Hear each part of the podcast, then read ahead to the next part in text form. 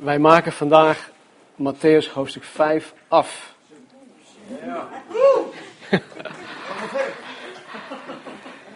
Weet je, toen ik bezig was met mijn uh, voorbereidingen, dacht ik van wauw, het, het, zijn maar zes versen. Maar ik denk dat ik ja, wel zo'n drie zondagen hieraan kan besteden. Maar omdat iemand vorige week zei dat we zo langzaam door het evangelie van Matthäus heen gaan, dacht ik van nou oké, nou dat kan ik niet maken. Dus uh, jullie krijgen het vandaag in een notendopje. Nou, wie weet wat een, een USP is? Niet een USB-stickje, maar een USP. USP? Nee. Ja, een USP of een USP is een Unique Selling Proposition of ook wel een Unique Selling Point genoemd. En wat het is, een Unique Selling Point is een eigenschap van of een product of van een dienst die het onderscheidt van vergelijkbare producten of diensten. Ja, USP. Kortom, een USP of een USP is datgene waarmee één bedrijf zichzelf onderscheidt van een ander. Nou, of wij er nu wel of niet van bewust zijn, maken wij, denk ik, dagelijks keuzen aan de hand van USP's.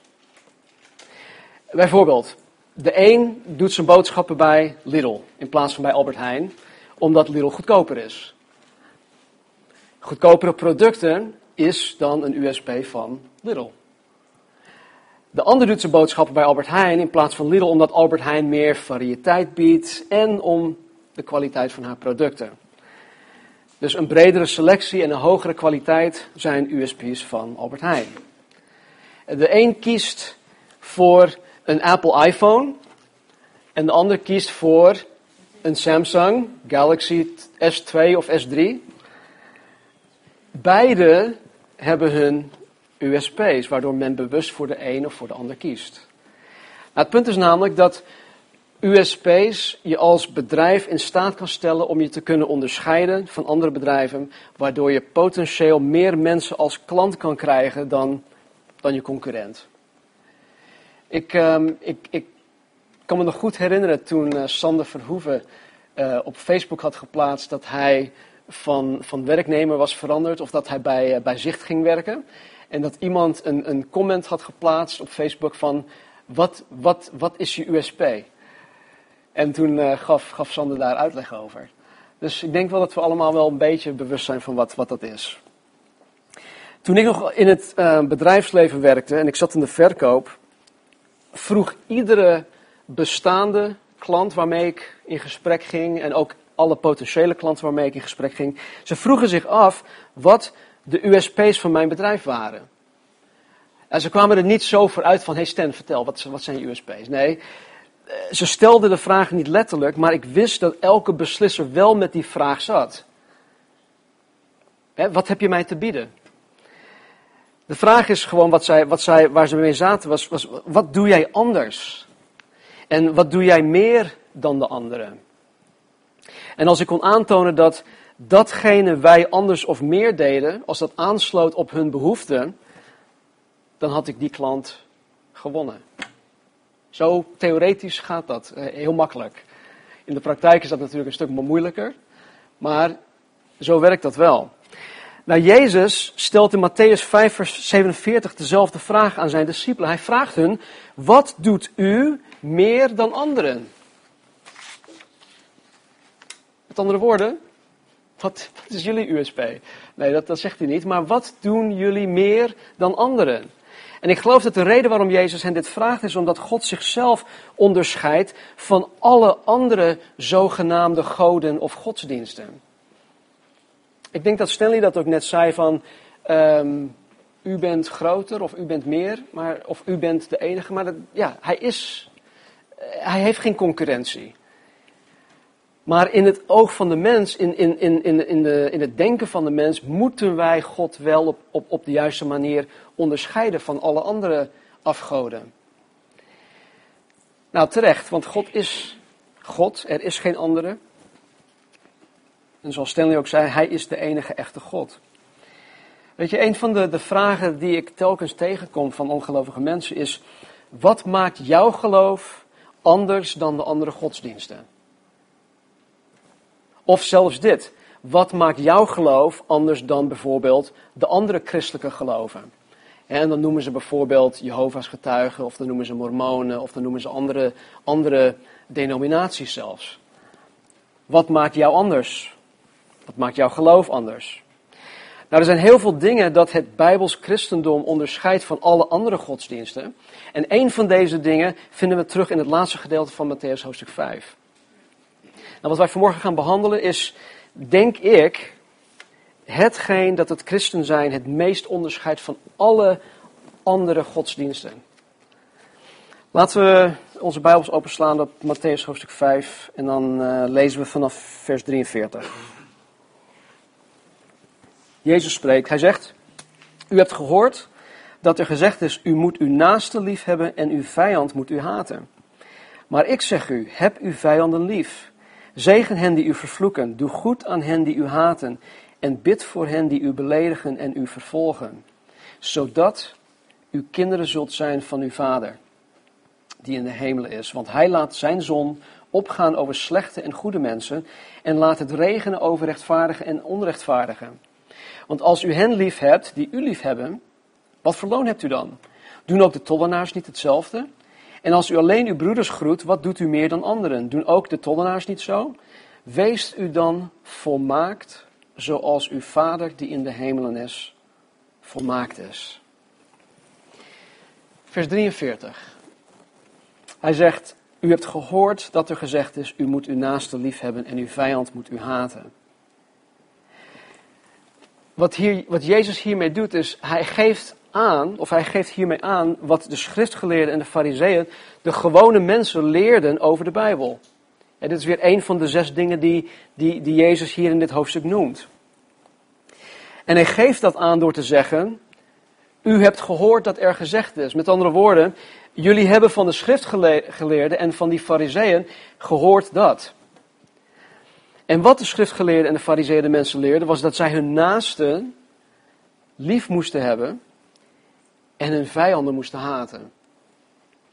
En dit was weer zo'n verdraaiing van Gods woord. Dit is echter gedeeltelijk waar. want wat in Leviticus 19:18, waar ze dit vandaan halen, staat dit: U moet uw naaste lief hebben als uzelf. God wil dat, dat zijn kinderen, wij die wedergeboren zijn, waar zowel Jood als niet-Jood, zijn naaste lief heeft zoals hij zichzelf lief heeft. Een van de, de wijzen waarin wij onszelf lief hebben, is door voor onszelf te zorgen. In een, uh, in een, in een brief van de apostel Paulus aan de Efeziërs, hij spreekt over het huwelijk, zegt Paulus op een gegeven moment, mannen, heb je vrouw lief. Zoals Jezus Christus de gemeente lief heeft. En dan legt hij uit, hij zegt in, in, Efeze 5:29, niemand heeft ooit zijn eigen vlees gehaat, maar hij voedt en koestert het. En dus niemand heeft ooit zijn eigen lichaam of niemand heeft ooit zichzelf gehaat, maar hij voedt en koestert het. Over het algemeen heeft iedere mens zichzelf veel meer lief dan de ander.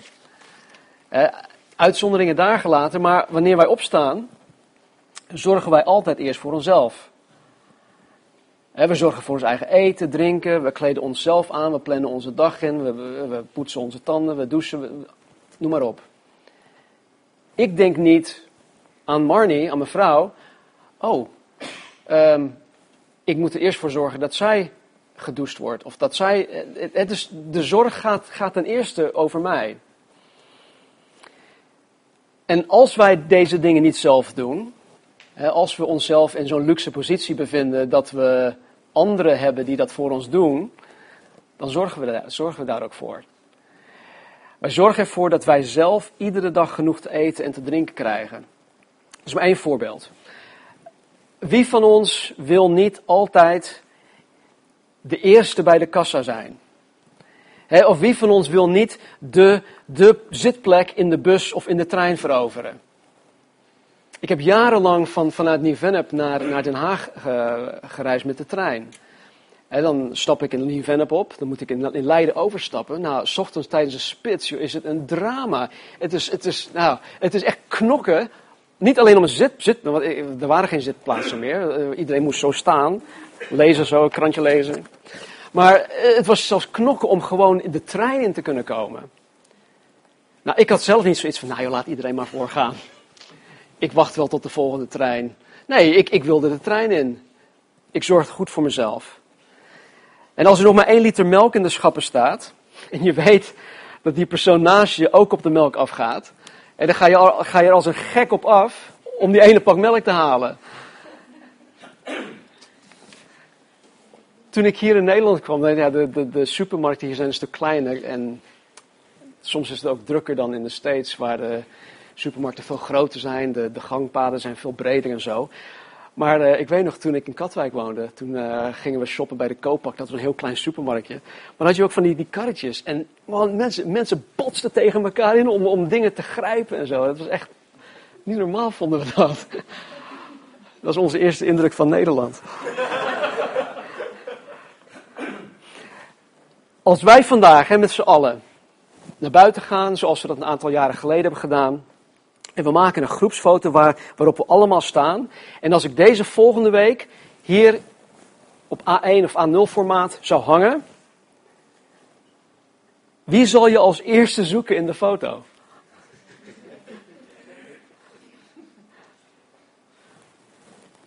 Ik denk dat jullie het antwoord daarop al weten. Nou, of we het nu willen toegeven of niet, wij mensen houden gewoon heel veel van onszelf. Het is aan alles te zien. En we zorgen eerst voor onszelf voordat we aan anderen denken. Maar God wil dat wij net zoveel van, van andere mensen houden. Dat wij net zo goed voor anderen zorgen als onszelf. Maar waarom? Waarom wil God dat? Waarom vraagt God dat van ons? Ik vind het soms knap lastig om, om, om aan anderen te denken. Mijn eigen ik, die, die, schopt, die schopt tegen dat idee. Maar God vraagt dat van ons omdat God zo is. Dat is Gods natuur. God is liefde en liefde is voor de ander. Het is geen zelfliefde. Het is Gods natuur om van anderen te houden en om voor anderen te zorgen. En weet je, dit onderscheidt God van alle andere zogenaamde goden. Want God houdt uh, persoonlijk van mensen. Hij is een persoonlijke God die onvoorwaardelijk van ieder persoon houdt en voor ieder persoon zorgt. Dus het gebod is, u moet uw naaste lief hebben als uzelf.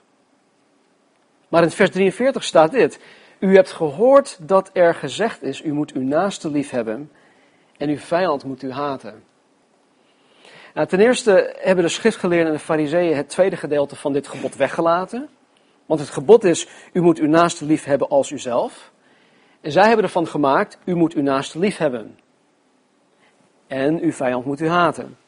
En ze dachten dat als zij de mensen leren om hun naaste lief te hebben, zonder als uzelf, dat zij dat zelf kunnen bepalen hoe zij hun naaste lief hebben. Dus met andere woorden, op welke manier ik mijn, mijn, naaste lief heb.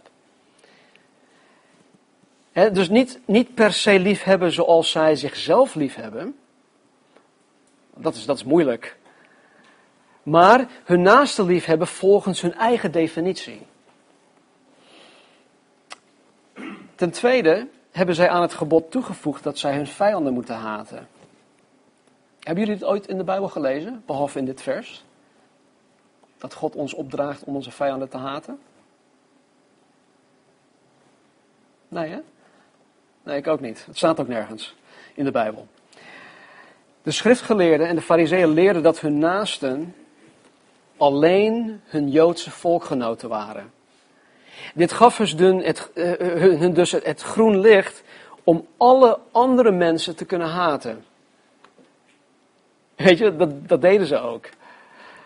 Sterker nog, hun definitie van naaste was zelfs zo nauw geworden dat zij alleen hun, hun eigen familieleden en hun beste vrienden als hun naaste beschouwden. En als je vijf mensen in jouw inner circle had, hè, je, je, je, je, je binnenste kring had, en je hield van hun, dan voldeed je aan de wet in hun ogen. Want op deze manier hoefden ze slechts een heel klein groepje mensen op hun eigen manier lief te hebben. En de rest van de wereld mochten ze haten. En ook als gehate mensen behandelen. Nou, ik vind dat lekker makkelijk. Jongens, ik hou alleen van dit groepje mensen. De rest mag barsten. Want het staat in de Bijbel. Maar zo is God niet. Maar ik zeg u, vers 44, heb uw vijanden lief. Zegen hen die u vervloeken, doe goed aan hen die u haten, bid voor hen die u beledigen en u vervolgen. Jezus haalt de, de, de kromme redenering van deze zelfgenomen schrift, zelfingenomen schriftgeleerden en fariseeën er helemaal onderuit. Zij meenden dat zij rechtvaardig waren omdat zij hun familie en vrienden lief hadden. Sterker nog, zij waren in eigen ogen zelfs gerechtvaardigd in het haten van hun vijanden. En zij dachten dat zij hierdoor aan Gods maatstaven voldeden. Maar Jezus legt de lat op een veel hoger niveau, dat menselijk gezien eigenlijk onhaalbaar is. Want Jezus zegt, heb uw vijanden lief. Uh, ik denk gisteren of eergisteren hadden Marnie en ik, hadden Marnie en ik het, toch, het nog over. Over dit stuk. En toen zei Marnie van, ik, ik snap dit echt niet. Want stel hè, dat wij nu ergens in Hongarije waren. En we waren met z'n drieën in Budapest. Kendall was bij ons. Kendall is onze jongste dochter, ze is nu 18. En dat iemand uh, met een pistool naar ons toe kwam en schoot Kendall neer. Vraagt God van ons om die persoon dan lief te hebben?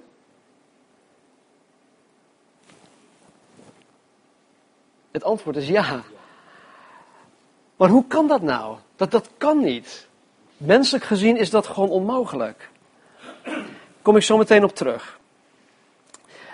Waar ik jarenlang moeite mee had, is dat, en misschien hebben jullie hier ook moeite mee, zelfs nu nog, is dat Jezus ons hier leert om onze vijanden lief te hebben, terwijl God in het Oude Testament de Israëlieten gebied om bijvoorbeeld de Ammonieten, de Moabieten, de, de Edomieten geheel uit te roeien, helemaal af te slachten. En de Canaanieten. God had hun geboden om hun geheel uit te roeien. Hebben ze niet gedaan, maar het gebod kwam wel van God af. Ook als je de, de vervloekende psalmen van koning David leest, kon ik dat niet rijmen met het gebod van Jezus om mijn vijanden lief te hebben. Het, het, het lijkt allemaal zo tegenstrijdig. Neem bijvoorbeeld Psalm 69. Eh, Psalm 69. En dan vanaf vers 23 en dan tot en met 29. Hij schrijft hier in dit gedeelte over, over zijn vijanden. Hij zegt: Laat hun tafel voor hen tot een strik worden en voor hun gasten tot een val. Laat hun ogen verduisterd worden. Met andere woorden, laat ze blind worden, zodat ze niet zien. Doe hun heupen voortdurend wankelen. Stort over hen uw gramschap uit. Laat uw brandende toorn hen treffen. Laat hun tentenkamp verwoest worden, in hun tenten geen bewoner zijn. Want wie u geslagen hebt, vervolgen zij. En ze spreken spottend over de smart van wie u verwonde. Voeg misdaad bij hun misdaad. Laat hen niet komen tot uw gerechtigheid. Laat hen uitgewist worden uit het boek des levens. Laat hen bij de rechtvaardigen niet opgeschreven worden. Hier zien wij koning David zijn vijanden letterlijk vervloeken. En de vraag is waarom? Waarom zou hij dat doen? Nou, ik geloof dat het niet, niet is omdat hij per se, of omdat het per se zijn, zijn persoonlijke vijanden waren, maar omdat het Gods vijanden waren. Hij sprak hier over Gods vijanden. Um, in, het, in dezelfde psalm geeft de schrijver ons de clue, de sleutel in uh, vers 10. Hij zegt, de ijver voor uw huis, dus voor Gods huis, heeft mij verteerd. Al de smaad van wie u God smaden is op mij gevallen. Uh, even kijken hoor, uit een andere vertaling staat hier, van mijzelf blijft niets over. omdat ik alles geef voor uw zaak. De spot en hoon van hen die u haten kwamen op mij terecht. Koning David, die kende God. Die kende God al van, van kleins af aan. Jongetje. Hij kende zijn woord. David kende Gods heilsplan, waarin God vanuit het Joodse volk uiteindelijk de Messias voort zou laten komen. Koning David wist ook dat, dat al Gods vijanden, eh, die Gods heilsplan wilden dwarsbomen, omdat ze, omdat ze God haten, wat hier ook staat, door God de rechtvaardige rechter gestraft moesten worden. Wij zien in de kruisiging van Jezus Christus dat God rechtvaardig is. Waarom? Omdat Jezus Christus de zonde van, alle, van de gehele mensheid op zich genomen heeft en die zonde moest gestraft worden. Wij hebben vanmorgen eh, ja, helaas geen tijd om, om ons hierin te gaan verdiepen, maar de Canaanieten waren de allerslechtste mensen die ooit hier op aarde hebben geleefd. De allerslechtste. Zij wilden niets met God te maken hebben. En ze stonden Gods gekozen volk Israël alleen maar in de weg. En vandaar dat God Israël geboden had om deze Canaanieten geheel uit te roeien. Maar, en dit is, dit is heel belangrijk om te onthouden. Ondanks dat God dit volk gestraft heeft, hield God van iedere Canaaniet. God hield van een ieder persoon zoals hij vandaag de dag, anno 2012, van ons houdt. Wat koning David betrof, vervloekte hij aan de ene kant, onder andere in de psalmen, zijn vijanden, waaronder ook zijn zoon Absalom. En aan de andere kant hield hij onvoorwaardelijk van Absalom, zijn zoon. Hij weende toen Absalom omkwam. In, in, in 2 Samuel 18:33 staat dit. Uh, koning David krijgt het nieuws. Absalom is omgekomen in de strijd. Absalom was een zoon van David die tegen hem in opstand kwam, die heel veel mensen tegen koning David um, keerde. Maar goed, hij kwam om in de strijd en dan uh, krijgt David dit te horen en dan zegt hij wenend, zegt hij, mijn zoon Absalom, mijn zoon, mijn zoon Absalom, och, was ik maar in jouw plaats gestorven, Absalom, mijn zoon, mijn zoon. Hij weende over zijn zoon, hij hield onvoorwaardelijk van zijn zoon. Weet je, ook zie ik in het Nieuw Testament uh, Jezus zelf de schriftgeleerden en de fariseeën verdoemen, vervloeken. En het lijkt tegenstrijdig, want dezelfde Jezus leert ons om onze vijanden lief te hebben. Laten we even verder gaan naar Matthäus hoofdstuk 23. Vers 13 tot en met 15. Jezus spreekt hier tot de schriftgeleerden en fariseeën. Hij zegt, maar wee u, schriftgeleerden en fariseeën, huigelaars. Want u sluit het koninkrijk der hemelen voor de mensen. Zij hielden de mensen tegen om tot geloof te komen. U gaat er immers zelf niet binnen, en hen die er binnen willen gaan, laat u er niet binnen gaan. Wee u, schriftgeleerden en fariseeën, huigelaars, want u eet de huizen van de weduwen op. En voor de schijn bidt u lang. Daarom zult u, des, zult u een des te zwaarder oordeel ontvangen. Wee u, schriftgeleerden en fariseeën, huigelaars, want u reist zee en land af om één proseliet te maken. En als hij het geworden is, maakt u hem een kind van de hel, dubbel zo erg als u. Nog eentje in eh, vers 27, 28. Wee u schriftgeleerden en fariseeën, huigelaars, want u bent als de witgepleisterde graven die van buiten wel zo mooi lijken, maar van binnen zijn ze vol doodsbeenderen en allerlei onreinheid. Zo lijkt u ook wel van buiten rechtvaardig voor de mensen, maar van binnen bent u vol huigelarij en wetteloosheid. En dan in vers 33 noemt hij hun dit. Hij zegt slangen, adderengebroed, hoe zou u aan de veroordeling tot de hel ontkomen? Heftig. En dit is de liefdevolle Jezus. Jezus die God is, God die liefde is, die deze vervloekingen uitspreekt over de schriftgeleerden en de fariseeën. Maar ook hier geldt dat Jezus deze mensen vervloekt op juridische basis en niet op een persoonlijke basis. Het is niet dat Jezus zoiets heeft van, nou, ze hebben mij pijn gedaan, ze hebben mij gekwetst, ze, hebben op mijn tenen getrapt en, mij tegengesproken, dus nou, vervloek jullie. Nee, het is op Gods rechtvaardige basis dat Hij hun vervloekt.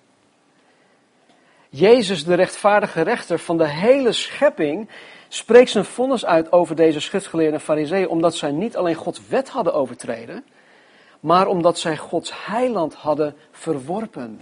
En ondanks dit heeft God elke schriftgeleerde en fariseer lief.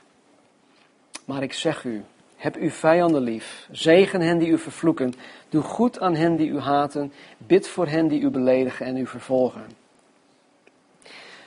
Weet je, Jezus zegt niet dat wij onze vijanden aardig of leuk moeten vinden. Want um, om iemand aardig te vinden, om iemand leuk te vinden, dat, dat vereist toch iets emotioneel. Het heeft met, met gevoel te maken. Als ik iemand leuk vind of aardig vind, dan is dat op een emotionele basis. Maar het liefhebben, het onvoorwaardelijk liefhebben, agape, is een praktische zaak.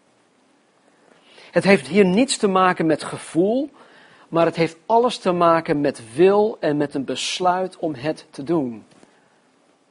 In mijn eigen relatie met mijn vrouw. Ik heb momenten dat ik, dat ik echt niet voel dat ik haar leuk vind. Soms heb ik echt niet het gevoel dat ik, dat ik, uh, ja, dat ik haar mag op zo'n moment. Maar weet je, ik weet dat God van mij verlangt, dat Hij van mij vereist dat ik haar lief heb zoals Jezus Christus de gemeente lief heeft. Het is een wilsbesluit, het is een keus. Denken jullie nou dat Jezus ons elk moment leuk vindt? Als zijn bruid? Nee. Het, eh, ja, integendeel. Maar Jezus Christus heeft ervoor heeft ervoor gekozen. Hij heeft een wilsbesluit gemaakt. Hij houdt onvoorwaardelijk van mij, van ons. Zegen hen die u vervloeken. Jezus bedoelt hiermee dat wanneer iemand mij vervloekt, zoals men in Nederland bijvoorbeeld iemand een bepaalde ziekte toewenst. Weet je, dat volgens mij is het het enige land waar, waar mensen dit doen. Krijg de, en dan vul het maar in. En welke ziekte dan ook. En als, als iemand tegen mij zegt, joh, krijg dit of krijg dat, dat ik dan niet terugscheld. Maar dat ik juist iets goed van hem of haar zeg. Het woord zegen dat Jezus hier gebruikt, is hetzelfde woord waarvan wij het Engels woord eulogy krijgen. Weten jullie wat een eulogy is? Een, een eulogy is een, is een lovende toespraak die gehouden wordt over de gestorvene in een uitvaartdienst. Nou, als je een uitvaartdienst hebt, dan ga je geen nare dingen over die persoon zeggen. Toch? Nee, je, zegt alleen maar, je, je, denkt alleen maar aan de goede dingen. En je spreekt alleen maar de lovende dingen uit over die persoon. Nou, wat Jezus hier zegt is, zegen hen. Spreek goed tegen, spreek goed over hen die u vervloeken. Dus als je iets met iemand of tegen iemand heeft, als iemand je um, vervloekt heeft, als iemand je heeft uitgescholden, moet je niet tegen tegen die zeggen of die zeggen van, nou joh, die persoon die roddelen en, en kletsen over die persoon. Nee, spreek goed over die persoon. Breng, dat, breng die persoon niet in een slecht uh, daglicht. Want wij zijn geneigd om iemand die ons vervloekt, toch even de waarheid te zeggen. Maar dat hoort niet bij de christen. Doe goed aan hen die u haten. Nou, Jezus bedoelt hiermee dat wanneer iemand mij haat, ik haar of hem niet terughaat. Maar dat ik juist op een proactieve wijze iets goed terugdoe. Nou, ik weet dat gaat dwars tegen mijn natuur in. Dat gaat dwars tegen mijn, mijn gevoelens in. Maar dat vraagt God van ons, want God is zo. Jaren geleden werkte ik bij een bedrijf in Katwijk. En uh, we, kwamen, we kwamen net aan, uh, het was ergens in uh, februari 1994. we waren denk ik twee maanden in Nederland. Ik sprak amper Nederlands. Bovendien was ik, um, ben ik nog steeds bruin van huidskleur. Maar ik kwam in een, in een, in een, in een situatie terecht in Katwijk bij een, dat heette destijds Den Hollander Foods. En ik werkte daar met Katwijkse jongeren. En het waren jongens die, ehm, ehm, ja, hoe zou ik het zeggen? Die uit een gereformeerde of hervormde ehm, afkomst kwamen die eh, niks met God te maken wilden hebben, want ze zagen alleen maar um, huichelarij, bla bla bla, binnen hun eigen gezinnen enzovoort enzovoort. Ze wilden niks met God te maken hebben. Hier was ik. Ik was Engels sprekend. Ik was wedergeboren christen. Ik kwam er ook vooruit. Klinkt raar. En ik was een buitenlander. Ze haten mij. Ik kon niets goeds doen in hun ogen. Ik was toen 29, dit waren allemaal jongens tussen de 17 en 25, allemaal jonge gasten. Ze haatten mij en ze maakten mijn leven zo zuur. Ik had een bepaalde taak daar en, en, en, en ze, ze, ze, ja, alles wat ik daar moest doen, uh, liepen ze in de weg of ze dwarsboomden mij of ze, ze maakten het mij gewoon moeilijk om mijn taak uit te oefenen. Maar God zei, heb deze jongens lief. Ze hebben mijn liefde nodig. Toon mijn liefde aan hun. Dus wat ik deed was, ik, ik moest gewoon tien keer harder rennen daar. Om te kunnen doen wat ik daar moest doen. Hè, mijn taak te vervullen. Maar daarnaast deed ik ook nog eens dingen voor hun. Als een bepaalde, als een bepaalde machine aan de productielijn bijvoorbeeld uh, aangevuld moest worden met bepaalde stoffen of iets dergelijks.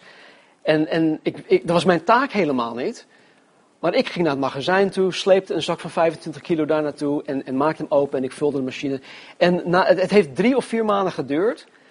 Maar op den duur begon ik één voor één deze gasten te winnen. Dat was dan wel het gevolg daarvan. Ik, ik geloof niet, ik, ik weet niet zeker of dat de bedoeling was, maar ik deed het gewoon in gehoorzaamheid. En het had, het had wel uh, mooie gevolgen. Bid voor hen die u beledigen en u vervolgen. Jezus bedoelt hiermee dat wanneer iemand mij smadelijk behandelt, of met minachting of met belediging lastig valt, of op mij zit te fitten, dat ik voor die persoon ga bidden. En dat deed ik toen ook. Ten eerste moet ik tot de Heer in gebed komen om, om God te vragen of er iets in mij is. Doe ik iets, Heer? Uh, doe ik iets niet? Uh, wat, wat, wat aanleiding geeft tot het gedrag van deze andere persoon. Ben ik, zit ik fout? En ten tweede moet ik bidden dat God mij die persoon laat zien door zijn ogen. En dat wil zeggen als een verloren zondaar wiens eeuwige bestemming hel en verdoemenis is. Zie ik die mensen zo? Of zie ik die mensen alleen maar als een, als moeilijk, Ten derde moet ik bidden om God te vragen dat God zijn of haar ogen opent voor de waarheid van het evangelie. En dat God mij of iemand anders zal gebruiken om, om deze persoon Gods liefde te tonen, om het evangelie met die persoon te mogen delen. De Bijbel leert ons dat God uh, wil dat geen enkel persoon verloren gaat. Geen enkel persoon. En wanneer wij onze vijanden lief hebben, kan het als gevolg zijn dat wij onze vijanden winnen voor het koninkrijk van God. En Jezus vraagt dit van zijn discipelen, hij vraagt dit van ons. Vers 45. Doe dit zodat uw kinderen zult zijn van uw Vader die in de hemelen is. Want hij laat zijn zon opgaan over slechte en goede mensen en laat het regenen over rechtvaardigen en onrechtvaardigen. Jullie kennen vast wel de, de gezegde, uh, zo vader, zo zoon of zo moeder, zo dochter. Dit betekent simpelweg dat de kinderen de eigenschappen van hun ouders erven. Dat is echt zo. Eh, een tijd geleden, nou een hele tijd geleden, toen Kendall nog klein was, ze is nu 18. Als ze nerveus was of bang, als ze op de donder kreeg van mij of van van de moeder, stond ze daar en dan stond ze daar ook gewoon soms, soms te beven. Maar een, een eigenschap die ze heeft, is dat ze ontzettend aan de onderlip zat te trekken. Mijn moeder, die hier op vakantie was, die zag dat een keer en die zei tegen mij: Stan, dat deed jij ook vroeger. En eh, ik herinner me dat nog. Nou, Kendall heeft mij dat als volwassen man nooit zien doen. Echt niet. en maar het zat er gewoon in. Zij heeft dat van mij geërfd.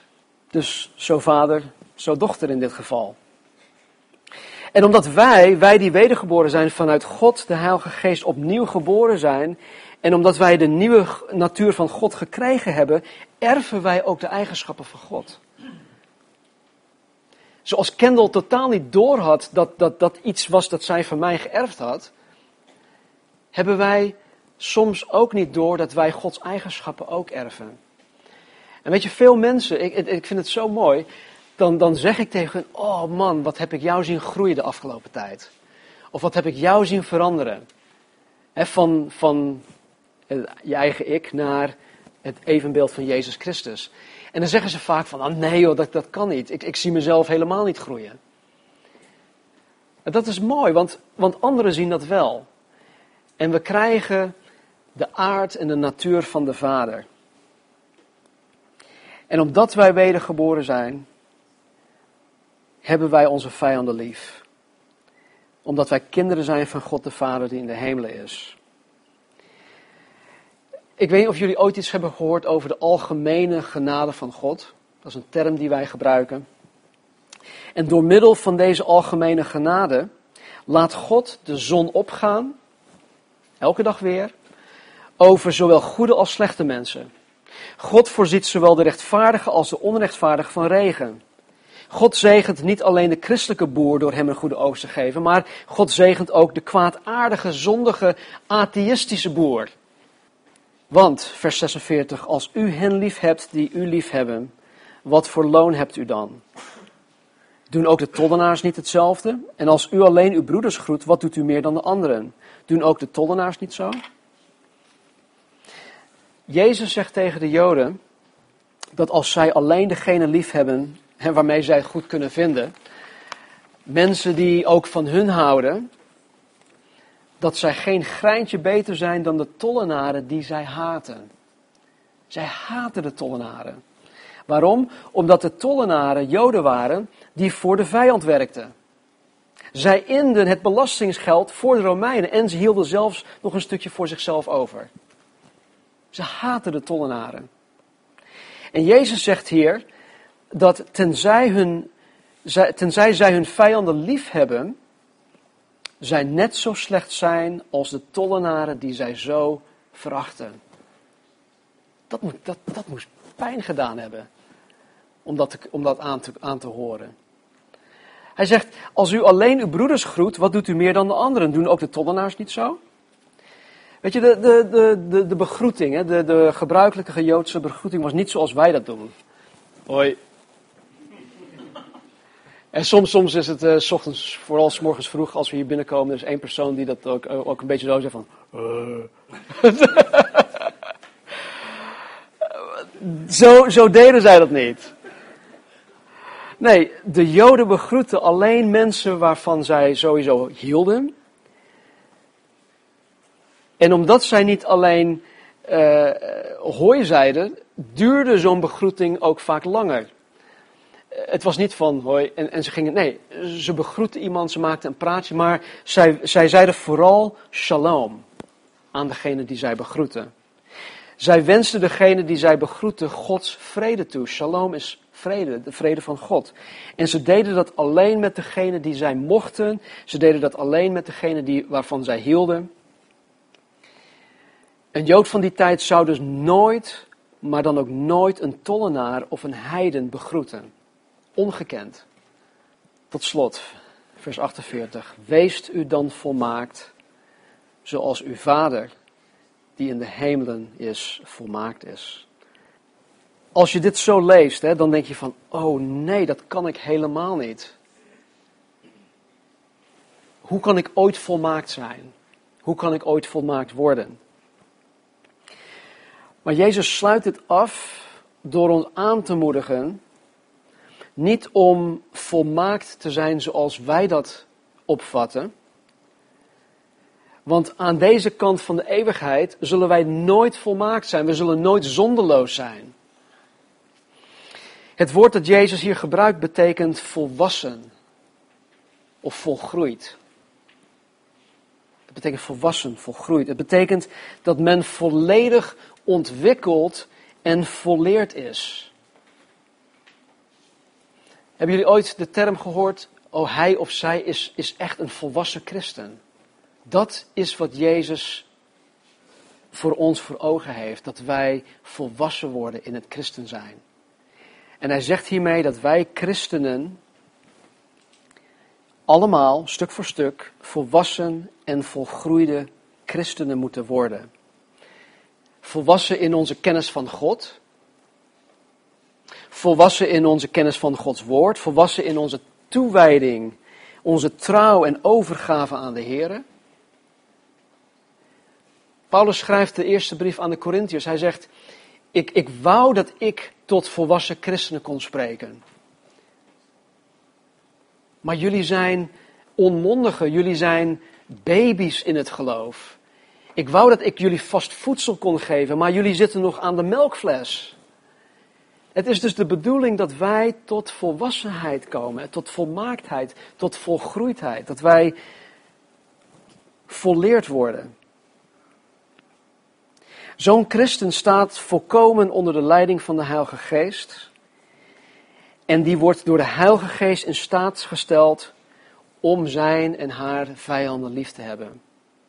Zonder Gods kracht, zonder onder de leiding van de Geest te staan, is dit niet mogelijk. Kijk alleen maar hoeveel moeite wij christenen hebben om elkaar lief te hebben. Laat staan onze vijanden. Ah, er valt nog zoveel meer over te zeggen. Romeinen hoofdstuk 5, laten we daar even naartoe gaan. Ik ben, ik ben zo klaar hoor, nog, nog een paar minuutjes. En dan vanaf vers 6. Want toen wij nog krachteloos waren. krachteloos betekent dat wij niet in staat waren om onszelf te redden. Dat zijn we nog steeds niet. Toen wij nog krachteloos waren, is Christus op de bestemde tijd voor goddelozen gestorven.